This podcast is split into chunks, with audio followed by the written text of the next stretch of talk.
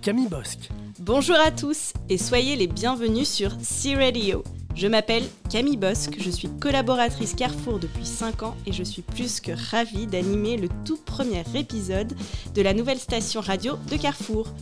C'est un tout nouveau programme que vous allez découvrir au fil des semaines et qui vous permettra de démarrer la journée en musique, de connaître nos actualités mais aussi les expériences et récits de nos collaborateurs. La radio va vous informer et vous connecter. Vous entendrez plus particulièrement des femmes et des hommes qui témoigneront de leur action concrète en magasin pour le client, sans filtre et sans compromis. Si vous souhaitez participer à un épisode et vous aussi partager votre expérience de collaborateur, n'hésitez pas à nous le faire savoir via mail sur hello-radio at carrefour.com. La spécificité de C Radio, c'est que vous, les collaborateurs, vous choisissez vos musiques. Et on démarre ce matin en faisant le plein d'énergie avec Whitney Houston, I Wanna Dance with Somebody.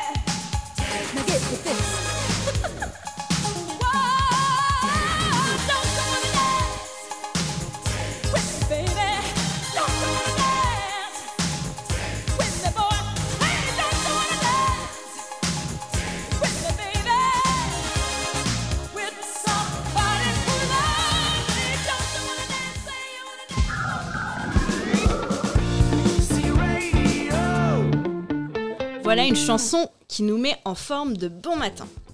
Alors, vous êtes maintenant, peut-être, impatient de savoir ce qui vous attend pour aujourd'hui. Voici donc nos rubriques à l'honneur développées en lien avec un thème qui est cher à Carrefour, les producteurs locaux et les circuits courts. Comment Carrefour aide les producteurs locaux au quotidien? Quels sont les acteurs qui contribuent à les développer? Nous aborderons toutes ces questions. Je recevrai Cécile Neuville, responsable produits locaux pour la partie francophone, mais aussi Gabriel Chauvet, responsable de la filière qualité. Je vous donnerai aussi quelques nouvelles toutes fraîches avec Thomas Lippens, mais tout d'abord, je suis ravie d'accueillir mon premier invité, Émeric Jacob, directeur de l'hypermarché de Boncel. Salut Émeric. Bonjour Camille. Comment tu vas? Ça va très bien toi? Très très bien, je te remercie. Voilà, je t'ai invité aujourd'hui parce que euh, j'aimerais que tu nous présentes le magasin et que tu nous dises quelques mots sur, euh, ton parcours. Ben voilà, je m'appelle euh, Émeric Jacob, je suis directeur d'hypermarché depuis 8 ans presque maintenant. Et donc, donc voilà, ça fait 11 ans que je suis dans la société et aujourd'hui je suis à l'hypermarché Carrefour de Boncel depuis quelques mois maintenant avec, avec beaucoup de plaisir. Alors le Carrefour de Boncel il se situe dans les hauteurs de Liège. On accueille euh, près de 15 000 clients chaque semaine. Euh, avec nos 150 collaborateurs, euh, nous sommes fatalement tous très motivés pour les accueillir dans un magasin qui fait un peu plus de 6 000 m2. Donc c'est déjà plutôt pas mal. Effectivement, on est sur un beau magasin. Emeric, je t'ai aussi invité aujourd'hui parce que tu représentes donc Boncel et tous ses collaborateurs et les choix musicaux qu'ils ont fait pour le premier épisode. On commence avec un premier choix musical d'un de tes collaborateurs. C'est parti J'ai choisi Little Sadie par Crooked Steel parce que c'est la musique de mon réveil, donc ça me rappelle que je dois me lever le matin. Went out one night to make a little round. I met little Sadie and I shot her down. Went back home, jumped into bed. 44 pistol under my head.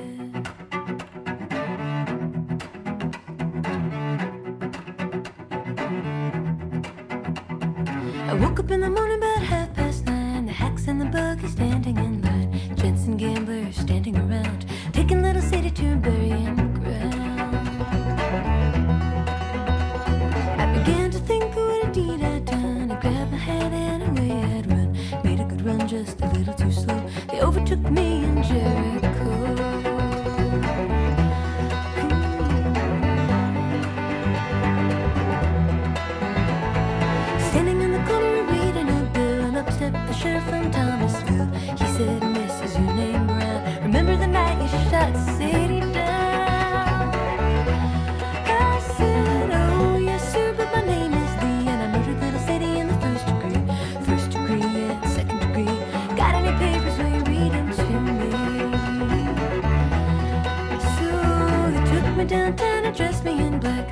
On a chain and started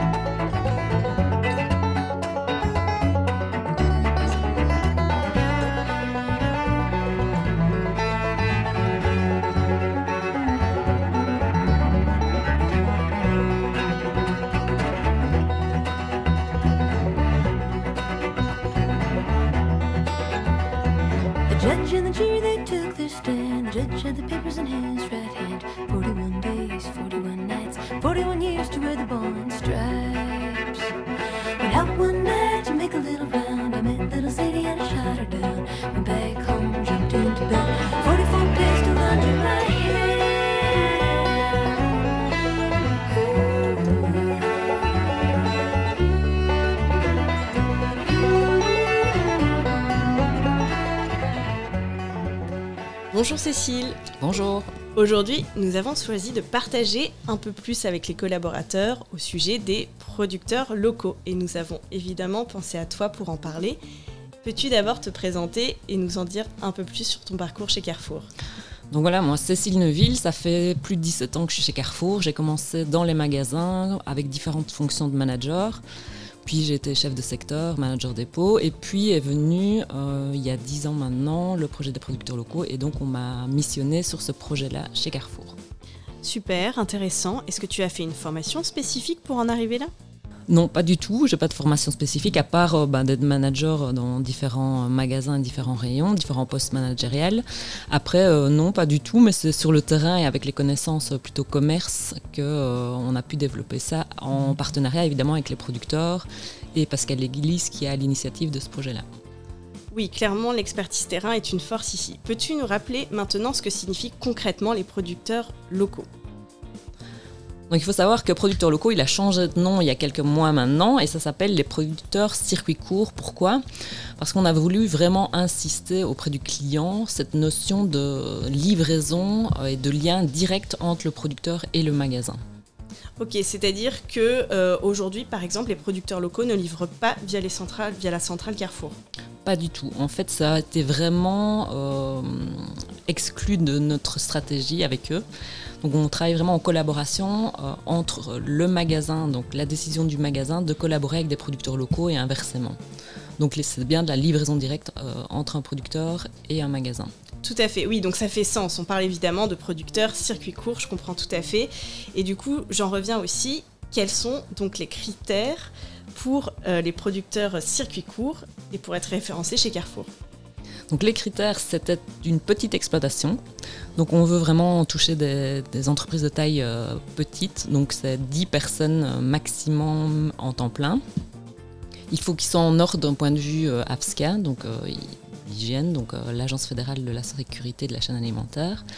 Qu'ils aient un code barre pour qu'ils puissent passer aux caisses et qu'ils fassent des produits évidemment intéressants pour le magasin et qui soient faits, totalement artisanalement. On ne veut pas de produits industriels dans nos produits producteurs de circuits courts. Je comprends, c'est ce qui fait la différence. C'est clair.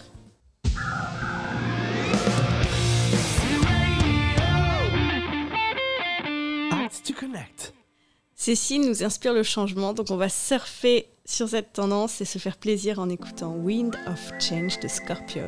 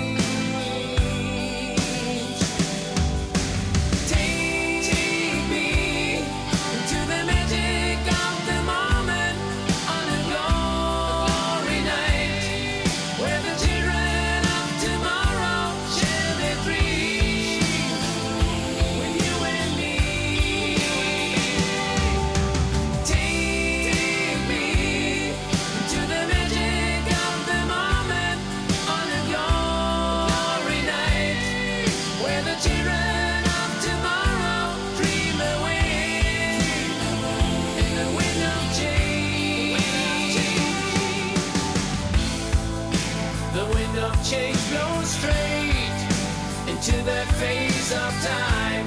Like a storm wind,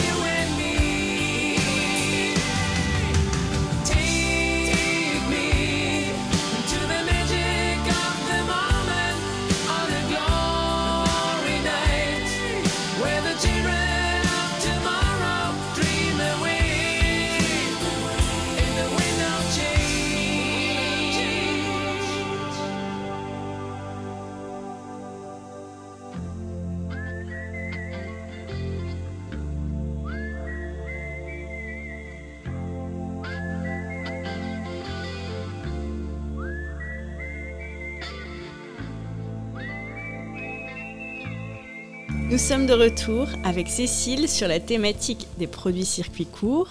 Cécile, maintenant, peux-tu nous dire depuis quand Carrefour les soutient? Eh bien, le 12 mai exactement de cette année, ça fera 10 ans que Carrefour euh, a vendu son premier produit local. C'était au magasin de Herstal. Allez, joyeux anniversaire donc. Joyeux anniversaire à tous. 10 ans, ça se fête. Est-ce que tu peux nous dire ce qui a évolué au cours de ces dernières années? Bah, en 10 ans, on est passé de 12 producteurs à plus de 800 au niveau national. On avait commencé avec euh, deux régions, donc d'abord euh, Liège et puis euh, celle du Hainaut. Puis maintenant, on est vraiment sur tout le pays. Euh, le projet a vraiment été euh, développé euh, petit à petit aussi par rapport aux réalités du terrain, par rapport aux réalités de nos producteurs. Par contre, un truc qui n'a pas changé, c'est vraiment les engagements Carrefour a par rapport aux producteurs. Et ça, on a vraiment tenu notre ligne, euh, enfin nos engagements, notre Mm. ligne de conduite depuis le départ. Et ça, ça n'a pas bougé. Ça, c'est vraiment quelque chose de rassurant, qui rassure les Mm. producteurs et qui tient le projet vraiment toujours au top. quoi. Ok, ça rassure les producteurs. Est-ce que euh, au cours de ces dernières années, ça t'est arrivé que certains producteurs soient réfractaires à travailler avec Carrefour parce que c'était l'univers de la grande distribution? Donc surtout au départ, oui, parce que effectivement, pour euh, surtout les petites structures comme les producteurs locaux, Carrefour représente un peu le, donc évidemment le grand distributeur français qui arrive euh, déjà en Belgique, mais en plus un grand distributeur qui peut faire peur pour des petites structures. Ah, donc au début, on a eu plus compliqué évidemment pour, euh, pro- prospecter les petits producteurs locaux, mais au fur et à mesure, et le fait qu'on a tenu nos engagements depuis 10 ans, ça a fait une publicité, une notoriété sur euh, Carrefour et qui fait que euh, bah, les producteurs ont un petit peu moins peur de travailler avec nous. Tu parles du fait que Carrefour euh, a tenu ses engagements. J'imagine que c'est ce qui a pu rassurer, mais tu peux nous dire euh, de quoi il s'agit exactement? Donc les engagements Carrefour, ils sont forts, surtout pour une grande distribution. Donc déjà, on ne négocie pas le prix du producteur, et ça c'est vraiment un point euh, super euh, important et fort de Carrefour. Donc on- il aura toujours le prix qu'il demande. Après, on met juste une marge sur, sur son prix. On n'exige pas de volume, donc quand il n'y a plus dans la production, bah, il n'y a plus en magasin, c'est tout. Ce qu'on fait aussi, c'est que euh, n'a pas de clause d'ex- de- d'exclusivité. Donc ça d'autres enseignes l'ont. Et chez nous, euh, on veut vraiment que le producteur soit libre de, commercialiser où il veut. Et euh, c'est vraiment ceux-là les, les points les plus forts de nos engagements qui rassurent le mieux les producteurs. Je me demandais autre chose. si je connais quelqu'un dans mon entourage qui aimerait voir ses produits référencés chez Carrefour, donc je parle d'un producteur local, comment peut-il faire? Donc s'il répond à tous les critères qu'on a définis auparavant, donc Mhm. euh, ceux que j'avais cités, effectivement, il peut contacter. Donc la cellule qu'on a mis en place aussi de soutien pour les producteurs locaux, c'est produits au pluriel, underscore locaux au pluriel, at carrefour.com et il sera redirigé vers un coordinateur, puisqu'on est quatre sur le terrain, suivant la région, pour euh, s'occuper de son dossier. Ok. Ok. Euh, de mon côté, quand j'entends producteurs locaux, je pense un peu euh, naïvement euh, aux bastions belges comme la bière, le chocolat. Est-ce qu'il y a d'autres produits, euh, évidemment, avec lesquels vous travaillez, j'imagine, mais euh, dont tu aurais envie de parler? Oui, tout à fait. Donc les producteurs locaux, ce pas euh, des produits propres à la Belgique, ce sont des, des producteurs artisanaux qui font des bons produits et qui peuvent aller dans toutes les catégories de produits. Donc c'est majoritairement évidemment alimentaire.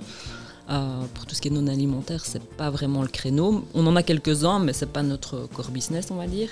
Donc ça peut aller du fruits et légumes euh, à la boucherie, euh, au traiteur, à la crèmerie, au PGC, voilà, même des savons solides. On a vraiment divers produits dans la gamme. Ok, c'est très diversifié.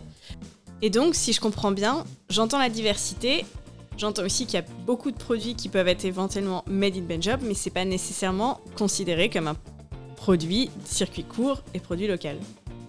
Oui, puis un, produit, un producteur belge, déjà il faut qu'il soit de petite taille pour être chez Mmh, nous. Tout à fait. Tu Et puis euh, surtout, l'intérêt de notre, notre projet, c'est qu'un un magasin ne va pas avoir le même assortiment qu'un autre. Donc euh, un magasin qui est situé, je ne sais pas moi, à Gand n'aura pas le même assortiment qu'un magasin situé à Liège ou euh, dans les Ardennes. Tout à fait. Je comprends. Euh, une question aussi, est-ce que tu as un souvenir à partager ou est-ce que tu as envie de parler d'un produit en particulier que toi tu apprécies? Alors souvenirs, j'en ai plein, hein, puisqu'on a quand même 800 producteurs. Moi, je ne sont pas 800 à moi, mais euh, j'en ai quand même pas mal. Euh, donc non, j'ai j'ai pas de souvenir particulier parce que j'ai un attachement, par, enfin j'ai un attachement spécial pour chaque. Mais euh, par contre, euh, allez, mon produit préféré, c'est un beurre au lait cru. euh, de ferme évidemment, euh, bio et ça je l'utilise chaque semaine pour ma petite fille et sa pâtisserie. Donc euh, voilà, le producteur se reconnaîtra à mon avis. Elle est- Bonjour. Et ta petite fille doit se régaler certainement. Voilà, exactement. Ok, écoute Cécile, je te remercie. Est-ce que tu as envie d'ajouter quelque chose? Oui, juste un petit point qu'on n'a Mhm. pas dit dans les critères, c'est Mhm. que euh, en plus d'être local, artisanal et en hors de l'AFSCA, etc., et de petite taille, euh, on va proposer ces produits que dans un rayon de 40 km autour de sa production dans les magasins. Donc je veux dire, un producteur de Liège va pouvoir vendre ses produits dans les magasins à 40 km autour de son exploitation euh, pour garantir justement ce, ce- ce con- ce concept de localité et d'ancrage local pour les magasins. Par contre, il y a juste une dérogation pour les Mhm. magasins vraiment proches, enfin, oui, les producteurs pardon, qui produisent vraiment au centre de Bruxelles. Là, ils peuvent aller un peu plus loin parce qu'il y en a beaucoup moins. Tout à fait. Et pour nos magasins au centre de Bruxelles, ben, c'est un peu plus compliqué pour eux. Donc, eux, ils peuvent aller un peu plus loin d'un point de vue kilomètre, mais par contre, Mhm. ils doivent avoir un étiquetage bilingue pour, euh, pour ces magasins-là. Ok, c'est très clair. Je te remercie pour euh, notre échange aujourd'hui Ah bah, et d'avoir euh, élucidé Voilà. euh, certains points au sujet des producteurs locaux parce que Carrefour est fier de, de ce sujet aujourd'hui. Donc nous allons aussi avoir d'autres intervenants, notamment en magasin, qui nous parleront de ce sujet. Et ben, c'est parfait. Tant qu'on en parle, c'est magnifique. Merci C'est un beau encore projet. Merci. et à bientôt.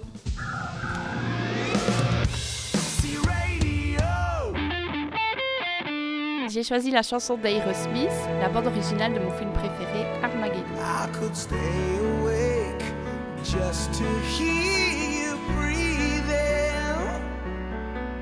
Watch you smile while you are sleeping, while you're far away dreaming. I could spend my life in this sweet surrender. I could stay lost in this moment forever.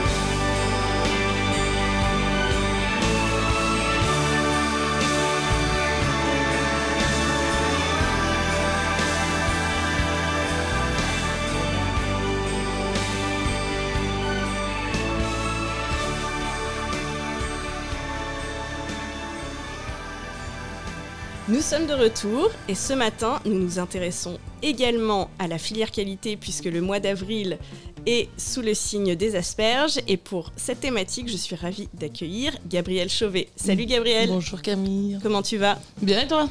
Très bien, je te remercie. Voilà, nous avons euh, voulu t'inviter parce que nous avons pensé aussi à la filière qualité dans la thématique disons des produits euh, locaux et parce que aussi le mois d'avril euh, est sous euh, l'emblème des asperges. Est-ce que tu peux nous en dire tout d'abord un peu plus sur ce produit et sur la filière qualité? Alors, euh, la filière qualité Carrefour, c'est, euh, pour refaire un peu un historique, c'est un label qui a été, euh, qui est né en France, Carrefour France, en 1992. Donc cette année, il fête ses 30 ans en France. Ok. Suite, Un nouvel anniversaire. Exactement. Et donc suite euh, à la crise de la vache folle, où effectivement les consommateurs, enfin l'attente des consommateurs sur un peu plus de sécuri- sécurité alimentaire, pardon, et la traçabilité devenait de plus en plus croissante. Ce à quoi donc du coup Mhm. Carrefour a répondu avec la création de la filière qui a été Carrefour. Ok. Les filières, pardon, euh, qu'est-ce que c'est du coup C'est euh, des produits, donc, enfin c'est un label de produits frais, Mhm. sélectionnés euh, du coup pour leur goût, produits en respectant l'environnement et le bien-être animal, et issus de partenariats de long terme. Donc Ok, la très bien. théorie. Parfait. Donc nous, on a accueilli aussi Cécile Neuville qui nous a parlé des produits circuits courts. Est-ce que tu peux nous donner la différence entre les produits circuits courts et la filière qualité? Alors, euh, la, bah, la première différence, c'est que déjà, nous, sur les filières qualité Carrefour, on est sur des appros au niveau national. Mhm. Donc, on va desservir tous les magasins euh, de la Belgique.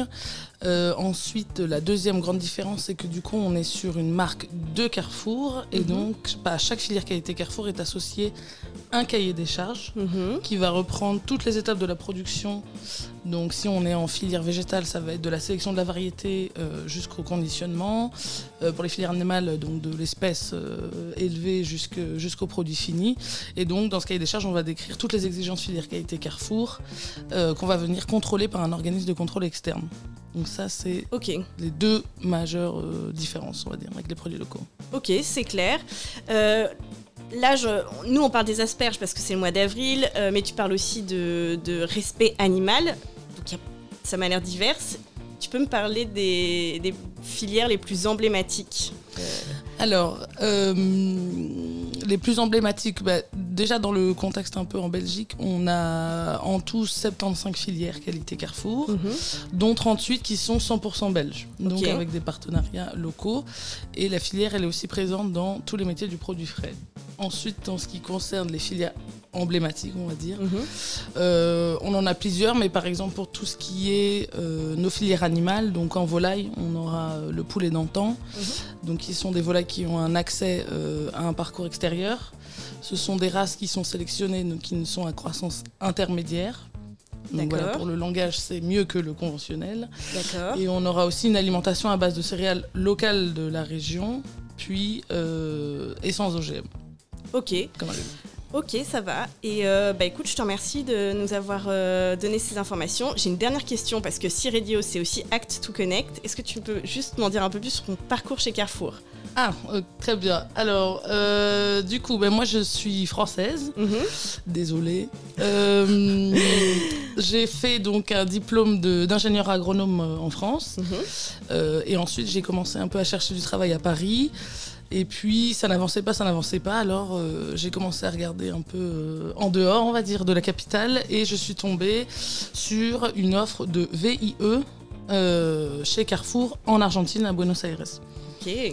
Donc euh, j'ai été prise, donc ça a été une première expérience pour moi euh, topissime, parce que Mhm. déjà à l'étranger, c'était sur le sujet de la filière qualité Carrefour aussi, mais euh, on va dire que le contexte là-bas est beaucoup moins évolué que chez nous en Europe. Ouais, mais c'est Sur ces questions-là, voilà. Mhm. Et puis, euh, et c'était aussi un premier pas euh, dans un grand groupe euh, multi, enfin, une multinationale, quoi. Et donc, j'y suis restée donc, bah, deux ans en VIE, puis un an en contrat local Mhm. en Argentine. Et puis après, j'ai voulu un peu rentrer au Bercail. Et donc. Et tu es euh, arrivé en Belgique. Exactement, qui n'est pas vraiment le Bercail, mais voilà, un truc Ok. plus proche de Paris, on va dire. Allez, bah super parcours. Gabriel, je te remercie. Et puis, euh, Merci je te dis à bientôt. À bientôt.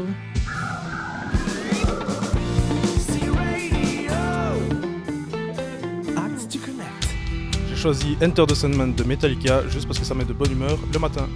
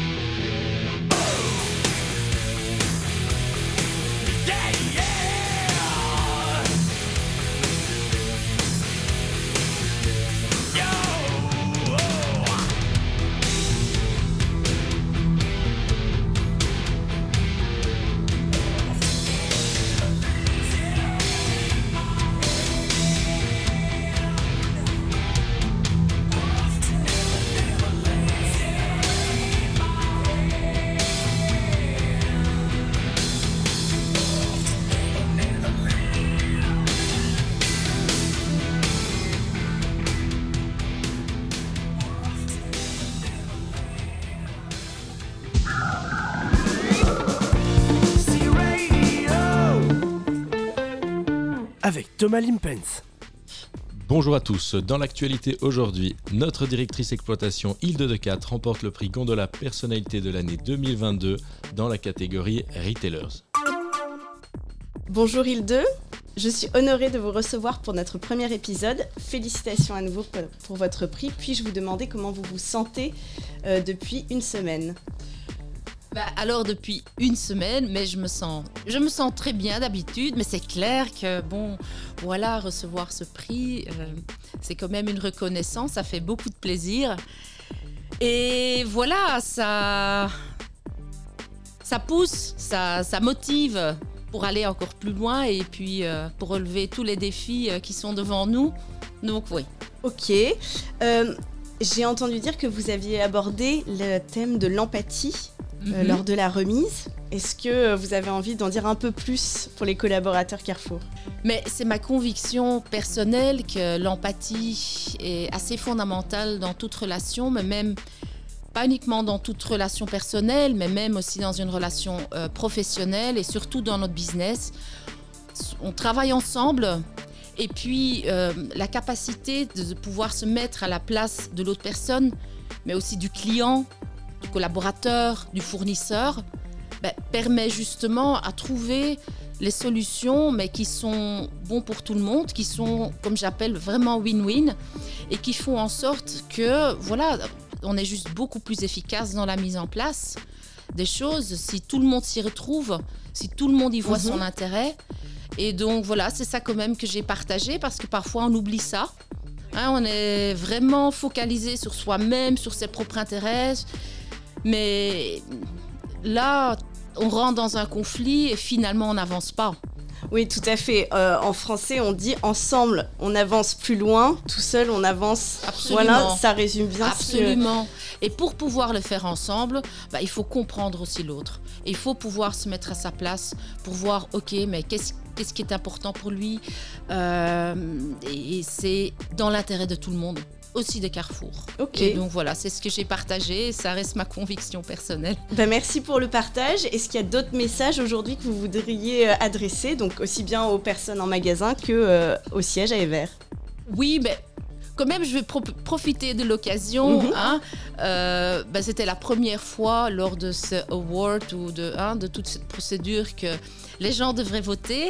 hein. Donc normalement, les, les années précédentes, c'était un jury de professionnels hein, qui, qui décidait. Mais là, il y avait aussi... euh, bah oui, les gens qui pouvaient voter. Et donc, je vais profiter de l'occasion de remercier vraiment tout le monde qui a voté parce que c'est clair que, vous savez, ce prix, bien sûr, ça fait plaisir à moi personnellement, mais finalement, c'est une reconnaissance, je trouve, pour tout Carrefour. Parce que, bon, j'ai pu faire les choses, ou je peux faire les choses que avec l'aide de toute l'équipe Carrefour. Et donc, euh, c'est quand même aussi le message que j'aimerais euh, passer euh, aujourd'hui, en profiter de l'occasion. Eh ben, je pense qu'il est entendu et nous sommes ravis de, de le diffuser. Ah Merci beaucoup Hilde. Ben, merci pour l'invitation et ravi d'être ici euh, dans ce nouveau studio euh, Si Radio. Ben, également ravi de vous avoir accueilli. Je vous dis à très bientôt. À très bientôt. Merci. merci Camille. Félicitations à Hilde pour ce succès. Vous l'avez vu lors des achats du mois de mars, Carrefour a invité ses clients à arrondir le prix de leur ticket en caisse, ceci en faveur des réfugiés ukrainiens. En tout, c'est un peu plus de 270 000 euros que Carrefour a reversé à la Croix-Rouge grâce à vous tous. Notre département marchandises est heureux de vous présenter la gamme Simple qui est en moyenne moins chère que nos concurrents Aldi et Lidl. Ceci, ajouté aux promotions attractives et aux avantages liés à la carte bonus que Carrefour offre, nous rendent tout à fait compétitifs. Notre service RH a mis en place une campagne de mobilité interne. Voici les mots de Lina Timmermans à ce sujet. Donc oui, en effet, chez Carrefour, on est en train de recruter toujours en fait des collaborateurs enthousiastes avec un esprit commercial, euh, la sens euh, client en. Ça devient effectivement de plus en plus dur en Wallonie, à Bruxelles, certainement en Flandre aussi. Et pour cela, on recrute euh, via plusieurs canaux, c'est-à-dire euh, les, canaux classiques, les job sites, euh, mais aussi via les médias sociaux, via des instances comme Actiris, le Forum, le VDAB. Et aussi, ils rencontrent des difficultés à trouver des bons candidats avec la bonne attitude pour travailler chez les employeurs. Et pour cela, on développe les collaborations qu'on a avec les instances, avec les job boards, avec les médias sociaux pour encore plus mettre en avant notre société, nos jobs en vente, mais aussi au siège. Donc si nos collègues Carrefour ont envie d'évoluer, ben, il y a plein de positions ouvertes. Donc allez découvrir les postes vacances sur notre job site via SuccessFactor. Ou s'il y a des amis, le- les membres de famille qui sont ouverts à autre chose, ben, qui viennent aussi regarder ce qu'il y a euh, chez Carrefour. C Radio. J'ai choisi Permission to Dance de BTS parce que ça donne envie de danser et de chanter.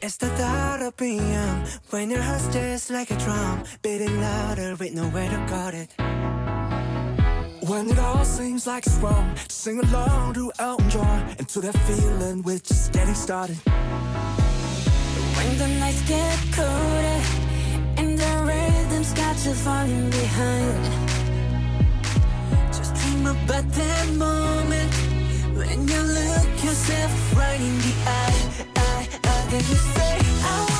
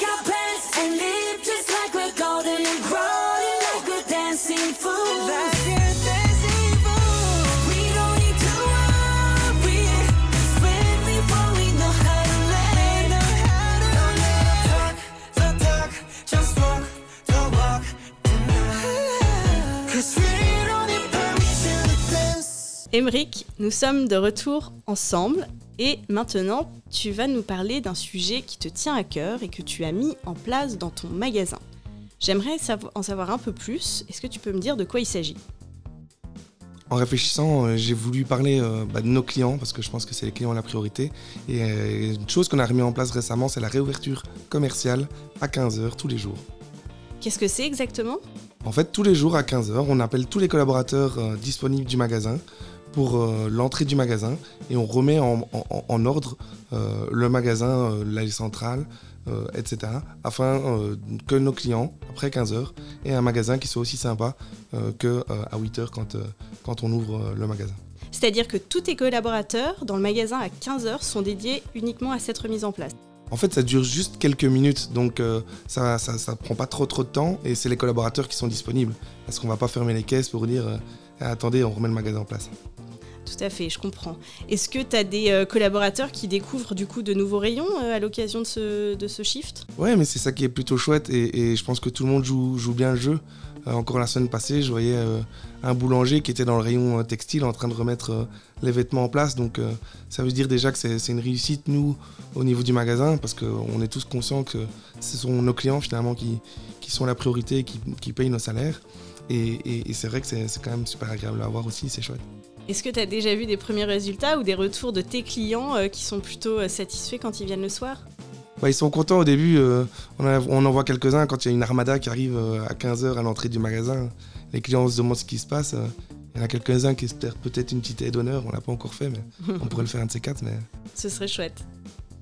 Ok, écoute, je te remercie d'avoir partagé ce- cette expérience. Ça a l'air d'être quelque chose qui fonctionne et on espère que euh, ça pourra euh, continuer et peut-être inspirer euh, certainement d'autres hypermarchés. Merci Emeric. J'aimerais aussi revenir sur la thématique de notre épisode d'aujourd'hui, qui est les producteurs locaux. Je vais profiter de ta présence puisque tu viens des magasins, peut-être pour nous en dire un peu plus sur ce thème. Est-ce que tu connais? Est-ce que tu as envie de partager quelque chose qui, euh, qui a eu lieu dans ton hypermarché Eh bien oui, Camille. Super. Les produits locaux, c'est- un, un sujet qu'on aime aborder, c'est le cœur de notre stratégie. Par contre, je pense que, que Thierry, mon collègue, euh, c'est un sujet qui, qui lui tient particulièrement à cœur et je pense qu'il sera euh, plutôt content d'échanger avec vous sur ce sujet. Donc, je passe la main.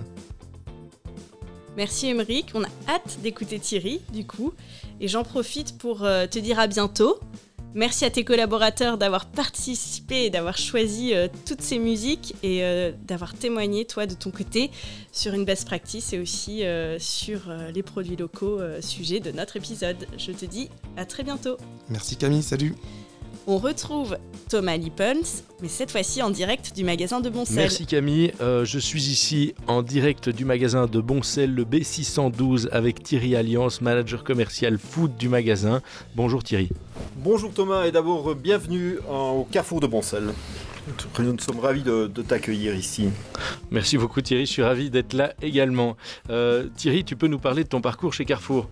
Ah, mon parcours chez Carrefour, il a commencé en 2005 et là j'ai travaillé pendant euh, 14 ans pour le non-food où j'ai effectué un peu en toutes, les, toutes les fonctions, en manager, formateur, euh, catman, euh, équipe concept. Et depuis 3 ans maintenant euh, j'ai changé complètement d'orientation, je suis revenu vers le magasin pour une- occuper une fonction de manager commercial dans le food et le PFT. Ah mais attends, le food du coup tu connais très bien les produits circuit court. Les produits circuit court, c'est quelque chose. J'avais beaucoup d'intérêt pour ces produits en tant que consommateur. Euh, et bon, maintenant, for- forcément, avec ma, ma fonction, euh, je les connais de mieux en mieux, voire très bien. C'est des produits que j'apprécie particulièrement parce que pour moi, ils, ils reflètent euh, la tradition, le savoir-faire, la passion. J'ai l'occasion de rencontrer de temps à autre euh, des producteurs et on sent vraiment l'amour de leur métier. C'est vraiment des produits auxquels, euh, en tant que, consommateur, je, et je pense que je reflète l'avis de, de nos clients, c'est vraiment des produits importants dans notre gamme. Et euh, quels sont les produits euh, circuit court qui se vendent très bien à Boncel? Alors, euh, assez particulièrement, ce sont les œufs. Euh, là, on a, on a travaillé avec deux fermes ici de la région et on a vraiment de, de très très bonnes ventes. Ça représente quasiment 20% de mes ventes au niveau des producteurs locaux. Ce qui marche également très bien, ce sont tout ce qui est jus de fruits. Avec notamment le jus pomme cerise des vergers de Soqueux. Et je t'invite Thomas à le goûter dès que possible. Je l'achète de suite. Merci Thierry, je te laisse continuer ta journée. Bonne journée Thomas. Salut.